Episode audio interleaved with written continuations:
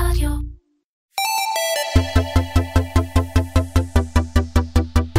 קומרסיישן, מדברים על e-commerce עם תימור גורדון. והפעם עם שירלי בכר, commercial director at Fabric. החלק הראשון. שירלי בכר, שלום and welcome. איזה כיף. וואו, סוף סוף את פה. נכון. רק אלוהים ואת יודעים כמה ניסינו לעשות את זה, והנה אנחנו מצליחים. אה, כך, רמי לוי, וולמארט, Instacart, Fresh Direct, מתקן נוסף עם סופר פארם, וואו, בשוק עם תחרות ממש לא קלה. תגידי, מה, מה, מה יש ב Fabric שהיא כל כך מצליחה? מה כל כך מיוחד בכם? אז um, אנחנו עוד מעט נצלול ממש מה אנחנו, מה Fabric עושים, אבל בגדול אנחנו מציעים retail on demand לכולם. ואם מסתכלים בעצם על Fabric ואיך היא שונה בנוף כחברה, אז אנחנו חברה שבעצם גם עושה את התוכנה, גם את החומרה, אנחנו עושים גם את התפעול של המתקנים, יש לנו גם צד של ביזנס, אנחנו עושים גם את הבינוי, ולמעשה אנחנו נותנים אה, שירות אה, מקצה לקצה, ואנחנו שולטים על הטכנולוגיה שלנו. אה, אנחנו ממש hands on על הטכנולוגיה, ומייצרים מוצר שהולך ומתפתח, ופותר כל פעם עוד אתגר אחר בתחום שאנחנו פועלים בו. עכשיו סקרנת אותי, ויהיה לי הרבה שאלות לשאול. אבל רק אני אצטט את מורי ורבי רני ארגוב, שהוא בעצם השתלטתם על חלק לא קטן מתוך ה-value chain. נכון. אתם לא רק חוליה אחת בניגוד לאחרים. שירלי, קצת על הרקע שלך. הגעת ל Fabric.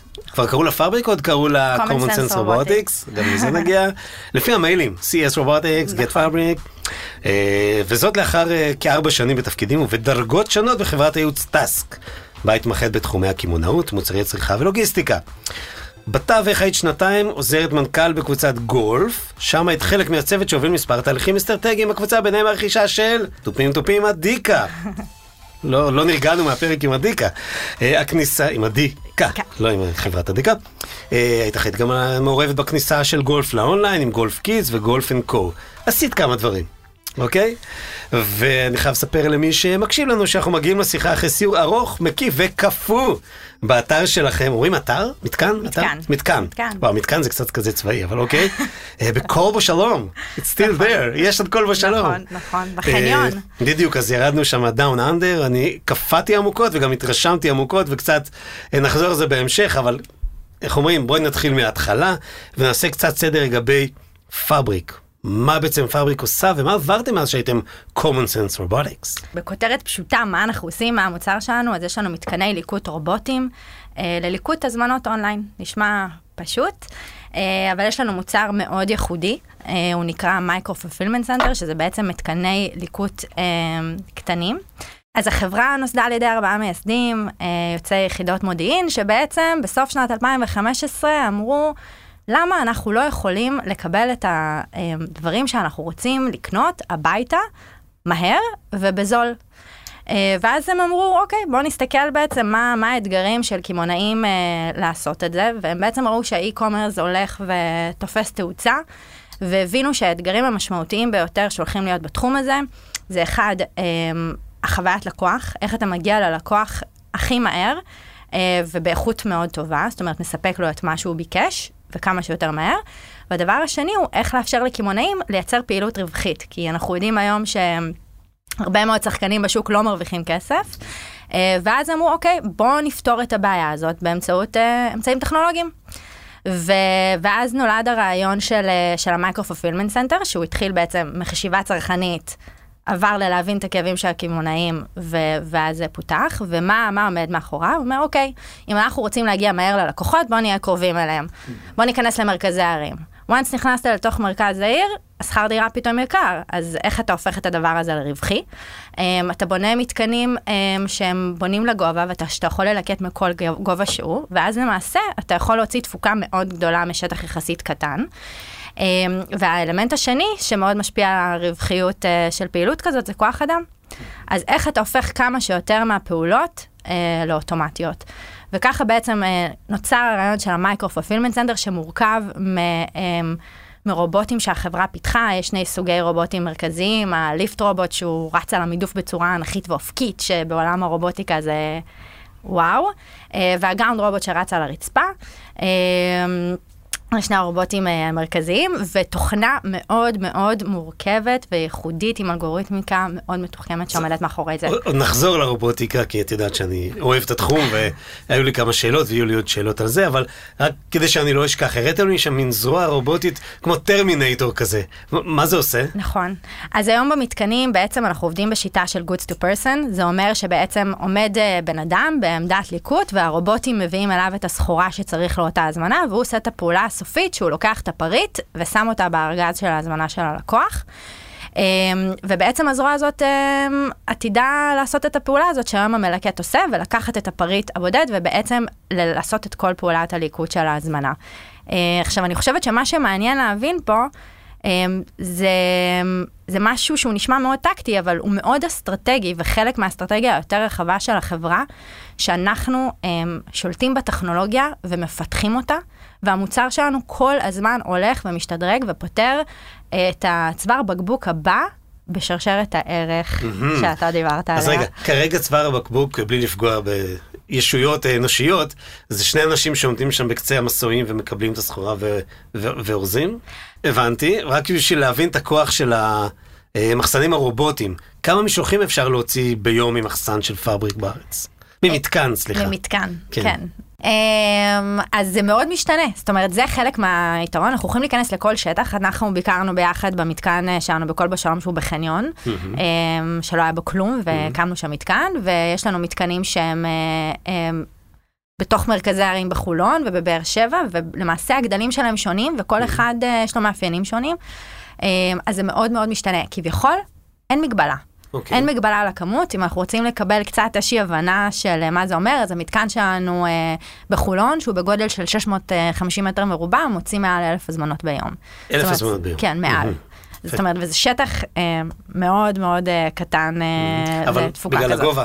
נכון, בגלל הגובה ובגלל העמדות אה, עבודה שלנו, שכל עמדה כזאת בעצם יודעת לעשות כל מיני פעולות. Mm-hmm. אה, יש גם עניין מורכב של, של הקליטה עצמה, שמתוך הספקים, נכון? צריך להתאים לגובה של משאיות, מה שהראית לי, שנכנסים, ואיך קודם כל עושים את הליקוט פנימה. נכון, okay. אוקיי. קודם איך אנחנו מטעינים בעצם נכון, את המתקן, מטעינים. ואחר כך איך אנחנו uh, מלקטים את הסחורה. וזמן ליקוט, עם, עם פרופורציות, כאילו כמה לוקח לרובוט, או למערכת, לכל התהליך אצלכם לעומת איך שזה לוקח במתקנים לא רובוטים? אז ליקוט uh, של הזמנה הוא באמת uh, דקות בודדות, אם אנחנו רוצים uh, להשוות את זה ככה ל... Um, לפעולת ליקוט ידנית, אז בסניף uh, של סופר uh, שמלקטים בו uh, הזמנה ידנית, זה כנראה ייקח uh, באזור ה-40-45 דקות. Okay. אוקיי. Uh, ובמתקנים שלנו הזמנה של מזון, שזה הזמנות גדולות, uh, פחות מחמש דקות. אוקיי, okay. זה, זה, זה משמעותי מאוד. מאוד. זאת אומרת, אפשר באותו זמן, שזה בערך פי תשע, פלוס מינוס, אני לא טוב בחשבון, לא, לא, לא, עשיתי, לא הייתי בחלק הזה של הלימודים. אוקיי, אז זה, זה נותן הרבה יותר הזדמנויות בעצם לחברות. והשאלה שלי היא, למה בעצם עד עכשיו, סתם, כאילו אם זה כל כך משמעותי, למה לא כולם עוברים לזה? כי זה קשה, כי זה מורכב, כי זה יקר? אני חושבת שחברה בעצם עוברת, אה, היום זה קצת שונה, אבל פעם הייתה איזושהי אבולוציה שאתה נכנס לאונליין, אתה בזמנו, אתה אמרת, אוקיי, אני אכניס פשוט, אה, על אותה שרשרת אספקה, אני אכניס גם מלקטים של ההזמנות אונליין לתוך הסניפים, ואז הפעילות הזאת מאוד גדלה. אה, אז הבינו, אוקיי, אני מפריע, אני כבר מתחיל להפריע לחוויית לקוח של הלקוח בסניף, אז uh, אני צריך להוציא את זה מהסניף. ואז היה דארק סטור, כן. שזה היה בעצם האבולוציה הבאה, ואז אמרו, אוקיי, אנחנו בסקיילים כאלה, זה כבר הופך להיות לא יעיל פעולת הליקוד, כולם מפריעים אחד לשני, זה, זה כבר לא יעיל.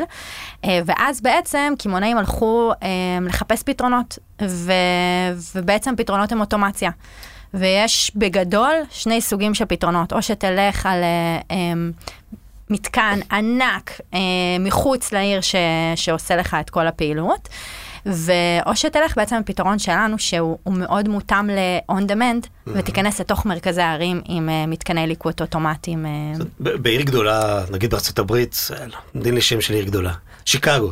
שיקגו לצורך העניין חברה כמו החברות שתיארנו בהתחלה, מן הסתם היא לא תסתפק באחד, היא צריכה נכון, כמה, נכון? כמה נכון. מרכזים כאלה. זה הרעיון, להקים, להקים אגב, כמו אה, אה, העסקה שיש לנו עם רמי לוי. הרעיון אוקיי, הוא להקים בעצם רשת של, אה, של מתקני ליקוט רובוטים, ב, שתוכל להגיע למצב שלכל לקוח אה, בישראל, תוכל להגיע אליו תוך אה, שעות בודדות. אוקיי, כלומר רמי מסתכל, מסתכלים על המפה של ישראל ולפי הביקושים, ומייצרים איזושהי חלוקה גיאוגרפית של מחסנים רובוטיים. כן. אפשר לדמיין שבעוד חמש שנים יהיה לנו 15 מתקני פאבריק רמי לוי כאלה. אני לא אתחייב פה למספרים, לא, לא, לא, אבל כן. אפשר לדמיין, אבל-. לדמיין מותר. לדמיין רשת, אה, כן, של מתקני ליקוט רובוטים, חד משמעית. ו- וסתם שאלה, כאילו, רמי לוי, אז למה אחרים לא עושים את זה לדעתך? מתחרים אני שלו? חושבת שיש, אה, אם אנחנו מסתכלים על לוגיסטיקה ועל שרשרת אספקה, זה נוגד כל, אה, כל מה שהכרנו. כי הרי מה אנחנו מכירים? אנחנו מכירים שלריכוז במקום אחד יש יעילות. ופה בעצם אנחנו באים ו- ואומרים בדיוק ההפך. תפזר את הפעילות, אתה תהיה יותר יעיל ויותר רווחי. זה נוגד את ההיגיון אה, אה, של מה שהכרנו עד היום. Um, והדבר השני, שאני חושבת שהיו תקופות, והקורונה באמת טרפה את כל הקלפים בהקשר הזה, שחשבנו שגם להגיע באותו היום, או next day להגיע ללקוח, good enough. זה לגמרי good enough, ואנחנו היום מבינים שהמשחק הוא על אה, שעות ומתחיל להיות על דקות, שזה באמת uh, מטורף, ואם אתה לא תהיה קרוב ללקוח, פשוט לא תוכל לעשות את זה. נכון, זה, זה גם קצת דומה, לא דווקא ברובוטיקה, אבל, ברובוטיקה, אבל באסטרטגיה של אמזון, של מחסנים גדולים מחוץ לערים ומחסנים קדמיים בתוך הערים. יש להם איזשהו ביטוי שמגיעים ל-60% מהאזרחים של ארה"ב במרחק של אה, 30 דקות או משהו כזה. אז זה, זה יושב על אותו, בעצם על אותו צורך, של להגיע לאנשים אה, מהר, נכון. כאן ועכשיו, ואני חושב שהיתרון הגדול ממה שאני מכיר, ומדויק. נכון? נכון, זה- יש לזה הדיוק- משמעות. רמת הדיוק היא שונה לגמרי כשמתעסקים ברובוטיקה. נכון. אה, נגיע לזה בהמשך, אה, ואמרתי לך שלא נדבר על marketing בשיחה הזאת, כי באמת נורא מעניין ה essence של ה business, של מה שאתם עושים, והתרומה והתמורה אה, שהלקוח שלכם מקבל. אבל אנחנו, יש לנו פינה, יש לנו פינת אורח עם מתי רם, שהוא מספר אה, על דברים מיוחדים ונותן טיפים לשיווק לחנויות e-commerce, שיש לנו הרבה מאזינים כאלה, אז בואי נקשיב למתי רם. הטיפ של מתי רם אדסקייל, מערכת הפרסום המובילה לחנויות e-commerce. היום נדבר על אחת השאלות הכי נפוצות בפרסום הדיגיטלי. מתי נכון להגדיל את תקציב הפרסום ובכמה להגדיל? התשובה לשאלה הזאת עוברת דרך שאלה אמיצה אחרת. מה יותר חשוב לכם? רווח מקסימלי מיידי או צמיחה מהירה? התשובה לא קלה. כולם רוצים גם וגם. ובכל זאת, בהנחה שאתם רוצים לגדול מהר, תוך שמירה על רווחיות סבירה, הנה כלל אצבע שכמעט תמיד עובד. בשלב הראשון, חשבו מהו החזר ההשקעה המינימלי על ההשקעה בפרסום ממומן שאתם מוכנים לקבל. אחרי שחישבתם את עלויות המוצרים, המשלוחים, התפעול, המימון ואת שאר העלויות, ואחרי שהשארתם לכם רווח סביר. נניח שהגעתם למסקנה שהחזר ההשקעה המינימלי הדרוש לכם הוא פי 5. בשלב הבא, היעד שלכם הוא להגיע להחזר ההשקעה הזה תוך ניצול מלא של תקציב הפרסום. התחילו בתקציב צנוע שמאפשר לכם אורך נשימה של כמה שבועות, גם אם לא הגעתם ליעד. אל תשתגעו בהתחלה עם תקציבים גבוהים. משהגעתם להחזר ההשקעה הרצוי, תוך ניצול תקציבי מלא, הגדילו את התקציב ב-20% והמתינו מספר שבועות עד שתגיעו שוב להחזר של פי 5 עם ניצול מלא, ואז הגדילו שוב וחוזר חלילה. ככה תוכלו להגדיל את העסק תוך שמירה על שולי רווחיות נוחים. אבל למה לעבוד קשה? השתמשו באדסקייל והמערכת תוציא לכם הודעה בכל פעם שכדאי להגדיל או להקטין את התקציב. הטיפ של מתי רם AdScale, מערכת הפרסום המובילה לחנויות e-commerce. אה, תודה למתי, בואי נמשיך. אז, אז דיברנו קודם אה, על משהו שהוא, אני צריך קצת להבין אותו, כי המחסנים, כמו שתיארתם, לא תלויי חנויות. זאת אומרת, נכון להיום, לא יודע מה יהיה בעתיד, כלומר, רמי לוי, סופר פארם, ובעזרת השם עוד לקוחות אחרים, ייקחו איזשהו אזור גיאוגרפי, ושם יפתחו מתקן אה, של עם Fabric. אה, ויספקו לאזור הגיאוגרפי שלו. לעומת זאת, ממה שאני קצת יודע בוולמארט, אה, יש להם מודלים כן של גם מייקרו פלפילמנט, אבל שהוא בעצם back to back עם חנות. זה משהו שהוא יכול להיות בפברקיזציה? כאילו משהו שמתחבר לכם? אמ, אז, אז ככה, אז אנחנו בשיחות, אנחנו מדברים בעצם עם המון המון קמעונאים. אני חושבת שאפשר להגיד שאנחנו שומעים צרכים שונים. יש קמעונאים שמדברים איתנו על בואו תיכנסו לתוך החנות. אה, אנחנו רוצים שזה יהיה חלק ממש מהחוויה של הלקוח שהוא נכנס לתוך החנות.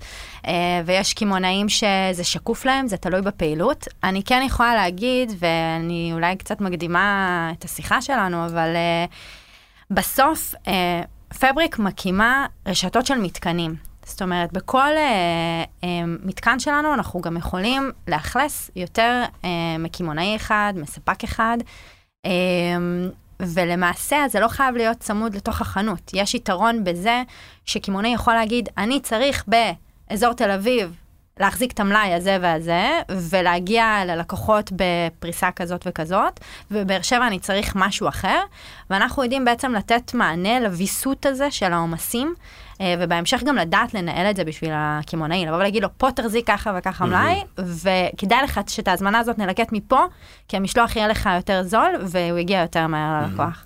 אבל עדיין אני חושב מבחינת חומרה גם אי אפשר בכל מקום להיכנס, צריך איזשהו מינימום של שטח. לא תיכנסי לשטח של 30 מטר. כאילו, 30 מטר כנראה לא, כן. אבל, אה, אבל אנחנו יודעים להיכנס לשטחים קטנים. זאת אומרת, 650 מטר מרובע, זה, בארצות ש- הברית זה- זה שטח- השירותים. כלום, כן. השירותים. לגמרי, לגמרי. אז מעניין, זאת אומרת הראש נשאר פתוח ולהתאים את עצמכם למרות שיש לכם את המודל שלכם, כל לקוח אפשר לעשות קסטומיזציה אה, לצרכים שלו, עד גבול מסוים. עד גבול מסוים, כן, אבל הרעיון הוא באמת ללכת למקום של, אה, אולי אני לא יודעת אם לגעת בזה עכשיו, בפבריק ובחזון, מהמם. אה, אבל מה זה פבריק הרי? הרי קראו לנו common sense robotics, כן. שזה בעצם אה, תיאר את המוצר, היו לנו רובוטים שיש להם common sense. כן. ואז בעצם השינוי, חלק מהאבולוציה של החברה שמתפתחת, השם היום מייצג יותר את החזון, ומה זה פבריק? לא מהמילה בד, אלא מהמילה מרקם. והרעיון הוא שאנחנו בעצם הולכים לשנות את המרקם העירוני של שינוע חבילות אונליין. אה, וכל מה שכולל בזה, אנחנו נתעסק בזה, בין אם נפתח את זה בעצמנו, או בין אם אה, נייצר שיתופי פעולה. אה, אבל אנחנו ניגע בכל שרשרת, שרשרת הערך. העלית פה משהו מעניין ש- ש- שלא דיברנו עליו בכל השיחות שלנו, אבל כשאת אומרת כל שרשרת ערך, יכול להיות שיום אחד גם השליחים, ה-last mile יהיה דרככם, או שעדיין אתם משאירים את זה ללקוח? You can never היום, know. נכון, היום. אנחנו מתעסקים בקופסה שלנו, זאת אומרת, אנחנו מתעסקים בפעולת הליקוט ועובדים על לעשות אותה בצורה הטובה ביותר, אבל חד משמעית, יש גם את, ה, את מה שמזין את הקופסה הזאת ומה שיוצא ממנה, שזה, מה שמזין אותה זה המלאי והתכנון מלאי, ואיך אתה, זאת אומרת, זה גם בעולמות של האי-קומרס, איך יוצרים זמינות של זה- 99 אחוז? לגמרי, כן. לגמרי, ואיך אתה אה, אה, מתכנן את האספקות, ומהצד השני זה איך אתה בעצם מוציא את הסחורה ללקוח. אני חושבת שהיום... אה, היום הם לוקחים בעצמם בעצם? זאת אומרת, מישהו, מישהו מטעם כן, רמי לוי כן, מקבל הודעה כן, בוא לקחת? כן. מישהו מטעם, אה, זאת אומרת, מי שרמי לוי בוחר לעבוד איתו? וגם מי שסופרפארם, כן, ומה ש- מי שסופרפארם בוחרים לעבוד איתם, אז אתם עושים. אינטגרציה לחברת שליחויות? אפילו לא, זה הכל, אה, אנחנו דרך- בעצם מתממשקים לקמעונאי, והוא אה, בעצם משאיר. לעצמו את הגמישות, כן, ואז הכל, זאת אומרת, כל תוספת של חברת שילוח הורדה זה סימלס, זאת אומרת, אנחנו לא לא מרגישים את זה. את יודעת, סיפרתי לך שכשיותם מאיגולד היה פה, שזה אותו דבר אבל אחרת, מה שהם עושים, אז הוא, אחד הדברים שהוא סיפר זה שיש לו איזושהי מערכת שעושה כל הזמן kind of bidding בין איקס חברות, let's say 8-10 חברות last mile, שהוא סיפר שהביד מתחיל כשההזמנה באתר שהלקוח הזמין בכלל, ואז ברגע שהזמנת אתה כבר תוך כמה שניות משוייך למפיץ מסוים, אבל כרגע אתם עובדים רק ב- ב- כאילו בצינור אחד, נכון? צ'אנל אחד מול הלקוח אבל זה והוא חד, מפצל. חד משמעית, אה, עולמות שאנחנו ניכנס אליהם, שוב, או בהיבטים שנביא אליהם חדשנות, כי אנחנו מביאים חדשנות במה שאנחנו עושים, וטכנולוגיה, אה, או בהיבטים של שיתופי פעולה. אבל כן, לגמרי, אנחנו מבינים שהשוק הולך למקום שהוא רוצה one stop shop, הוא רוצה לבוא ולהגיד, אני צריך שתתעסקו לי ב- בכל הסיפור הזה. מאלף עד תף, ותעשו את זה זה, בצורה טובה זה כמו יותר. קצת בסרטי אה, כזה עתידניים כאלה מפחידים, שבסוף יש רק מותג אחד גדול ששולט בהכל, הוא לא עושה כלום, אבל הוא מנהל את הכל, כזה, ואז יוצא איזה בטמן ונתחיל להילחם בו. טוב, נקווה שהם יהיו גם חיובים. let's talk business, את אשת עסקים, כבר שמתם לב, מי שמקשיב לתפיסה העסקית של שירלי. אה, קצת כסף. לפי הערכות מקובלות, מה שמדברים עליו, עלות משלוח דרך פארבי בארצות הברית, היא קצת פחות מדולר להזמנה, עלות המשלוח. מעניין אותי איך אתם מתייחסים לזה, או, או במילים אחרות, מה בעצם המודל העסקי של פארבי? אז אני לא אתייחס אה, לדולר, ל- להערכות, לשמועות, כן, כן. אני בכלל, אה, אסור לי. לא, אני, אני באמת לא אתייחס אליהם. אני כן אה, אגיד שאנחנו עובדים בעצם ב, בשני מודלים עסקיים. מה שאנחנו מציעים. אז מודל העסקי שהוא היותר נפוץ, זה בעצם מודל של service, שבו אנחנו בעצם עושים את הכל, מה שאנחנו רואים שאנחנו עושים בארץ עם סופר פארם ורמי לוי. ובעצם המודל תמחור שלנו היום הוא מבוסס על בעצם אחסנה וליקוט של, של פריטים. היה לנו מאוד חשוב לפשט את זה כמה שיותר. זאת אומרת, ברוב מקובל לקחת ממש על כל פעולה. אנחנו מאוד מפשטים את ה... גם לפי נפח, לפי זמן אחסון. ואנחנו מאוד מפשטים את המודל תמחור שלנו, והוא תלוי בכל מיני משתנים. כן, אבל האחסנה בגדול, בגלל שזה fresh food, היא יחסית קצרת טווח. שום דבר תלוי אם לא. אתה מדבר על מזון או על... נכון, או על נדבר על רמי לוי כרגע, נכון. אז... זה אה, very fast movers. אוקיי, בסופר פארם אני מבין שדברים יכולים גם לשכב קצת יותר. למרות שהמתקנים שלנו, בגלל שהם קטנים, הרעיון הוא שסחורה נכנסת ויוצאת. כל יום נכנסת מגיעה יום משאית? אנחנו לפחות אחת. כל יום אנחנו קולטים סחורה. מדליק, נהדר. בואי נדבר קצת על הצד השני של מי שעכשיו מקשיב לנו והוא בעל חברה משמעותית בישראל, כנראה כי אנחנו בעברית, אולי יש לו מתורגמנים, יש לו רובוטים, אה, אבל אני רוצה לחשוב מה היו, תנסי להיכנס לראש של הלקוחות שלך, אלה שאת עדיין במשא ומתן שאסור לך לספר ואלה שכבר סיימת, איזה דילמות עומדות בפניו אה, כשהוא חושב לעבור למחסן הזמנות רובוטי. אז אמרת בפתיחה, צמצום עלויות כוח אדם, איזה קיצורי, אבל, אבל בכל זאת, אני מניח שיש גם איזושהי תחושה, אני מציע אולי של איבוד שליטה על חלק מהתהליך, כלומר, מהם הדילמות של הלקוח הבא שלך? אז הדילמות, אני חושבת שקודם כל זה איזושהי החלטה של אה, שינוי, אה, תלוי, קודם כל זה תלוי מה, מה הם עושים היום. אם היום הפעילות הזאת היא in-house, אז יש גם אלמנט של, אוקיי, אני מוציא את זה החוצה. אה, אז יש, אני חושבת, את השיקולים האלה שאתה מכניס בעצם, אתה מביא בעצם את ה... את ה את הליבה של העסק שלך למישהו אחר, לוגיסטיקה היום, זה הליבה של לגמרי. העסק. אמ, אז אני חושבת שיש היבטים אה, אולי קצת אה, פסיכולוגיים בהיבט הזה. אה, אני חושבת שיש חשש מהשקעות וסיכונים, מה שאנחנו אה, בעצם פותרים, אין השקעות. לא משקיעים בך, לא, נכון? אין. אלא אם כן זה רמי לוי. אין, אה, לא, גם רמי לוי לא השקיע לא, בנו. אוקיי. אבל, אה, אבל אין השקעות, Mhm. אה, הסיכון הוא יחסית אה, נמוך, זאת אומרת לא הולכים להשקעה של אה, הקמת מתקן של מאות מיליונים, אה, ולכן החסם הזה יורד. אה, למעשה, אין היום באמת, אה, אולי ההתלבטות היחידה היא אם אתה אומר, אה, אני, יש לי את החנות שלי, אבל אני יכול לעשות את זה שם, ולמה לקחת את זה החוצה, אבל אני חושבת שלאט לאט מבינים שאם אתה רוצה לשמור על החוויה שלך בתוך הלקוח, אה, ואם אתה רוצה להתעסק בדברים החשובים של להגדיל את העסק שלך, אתה לא יכול להתעסק כל היום ב... ב- בללקט הזמנות ובלוודא שההזמנה הגיעה בזמן ויצאה בזמן ו... וה- והמימד הפילוסופי האתי של להחליף ידיים עובדות בברזלים עובדים, זה משהו שעולה בשיחות? זו שאלה מעניינת, אגב, באו לעשות פעם אחת כתבה אצלנו באחד המתקנים, ו... ושאלו את אחד המלקטים, איך אתה מרגיש שביום מן הימים אה, ייקחו לך את העבודה? אה, וזו שאלה מעניינת, אני חושבת שההיסטוריה מראה שכל מהפכה אה, אה, תעשייתית, טכנולוגית, בעצם לא, לא לקחה משרות, אלא פתחה משרות. אה, קודם כל נתחיל בזה ש... אחד מהאתגרים הכי גדולים של התחום הזה זה כוח אדם. זאת אומרת, אנחנו רואים את זה גם בידיים אה, מלקטות וגם בשליחים ובכל מקום. אה, אז זה לא באמת שיש עודף אה, עובדים ואין להם עבודות. ואנחנו מסתכלים על זה קצת אחרת, אה, שזה בסוף, ברגע שאתה פותר אה, איזשהו תהליך באוטומציה, אתה משחרר אה, מקום ליצירתיות והעמקה במקומות אחרים שיותר קשורים אה, לאיכות.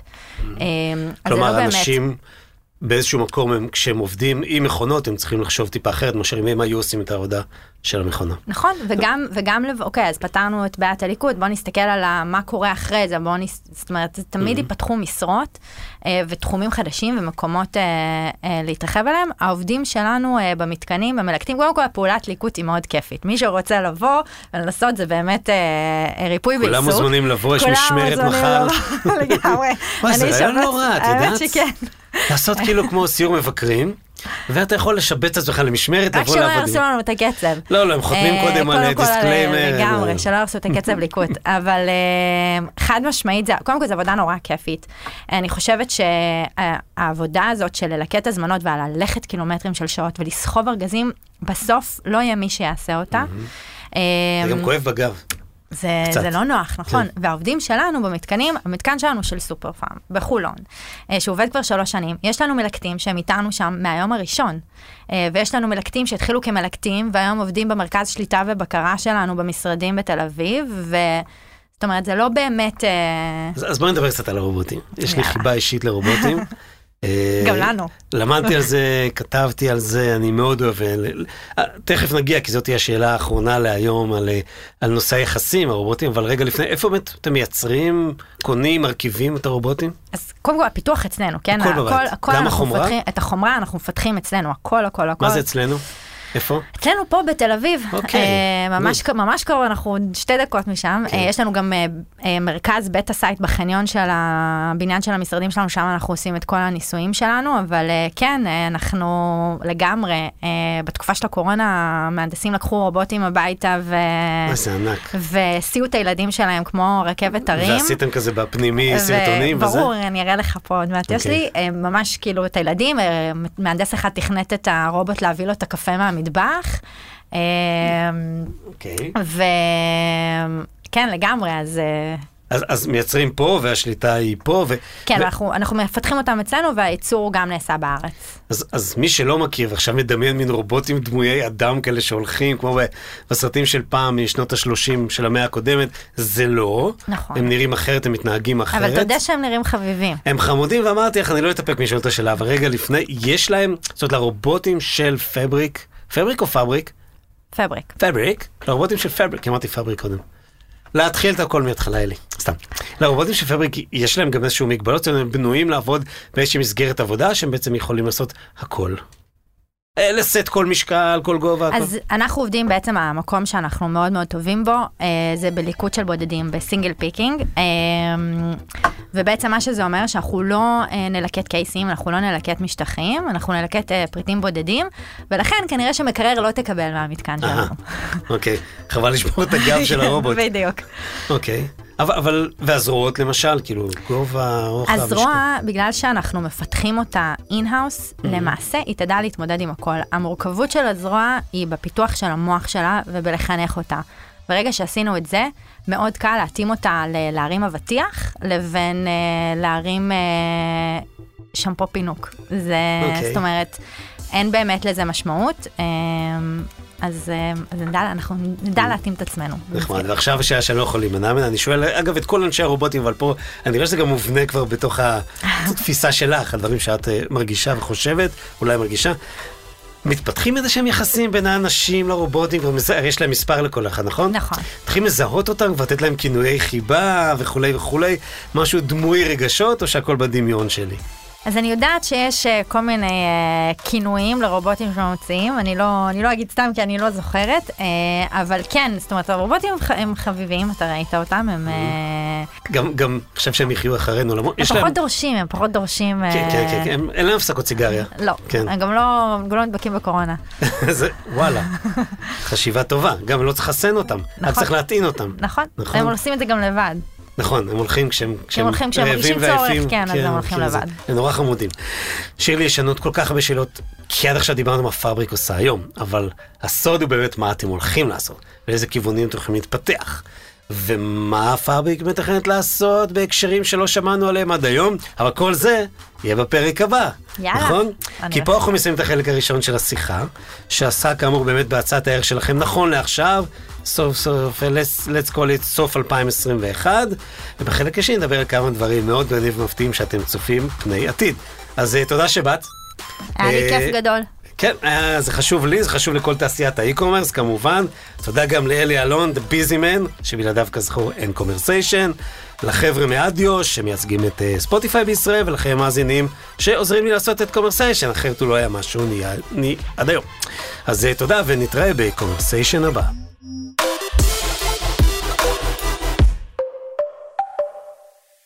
Commersation עם תימור גורדון Adiós.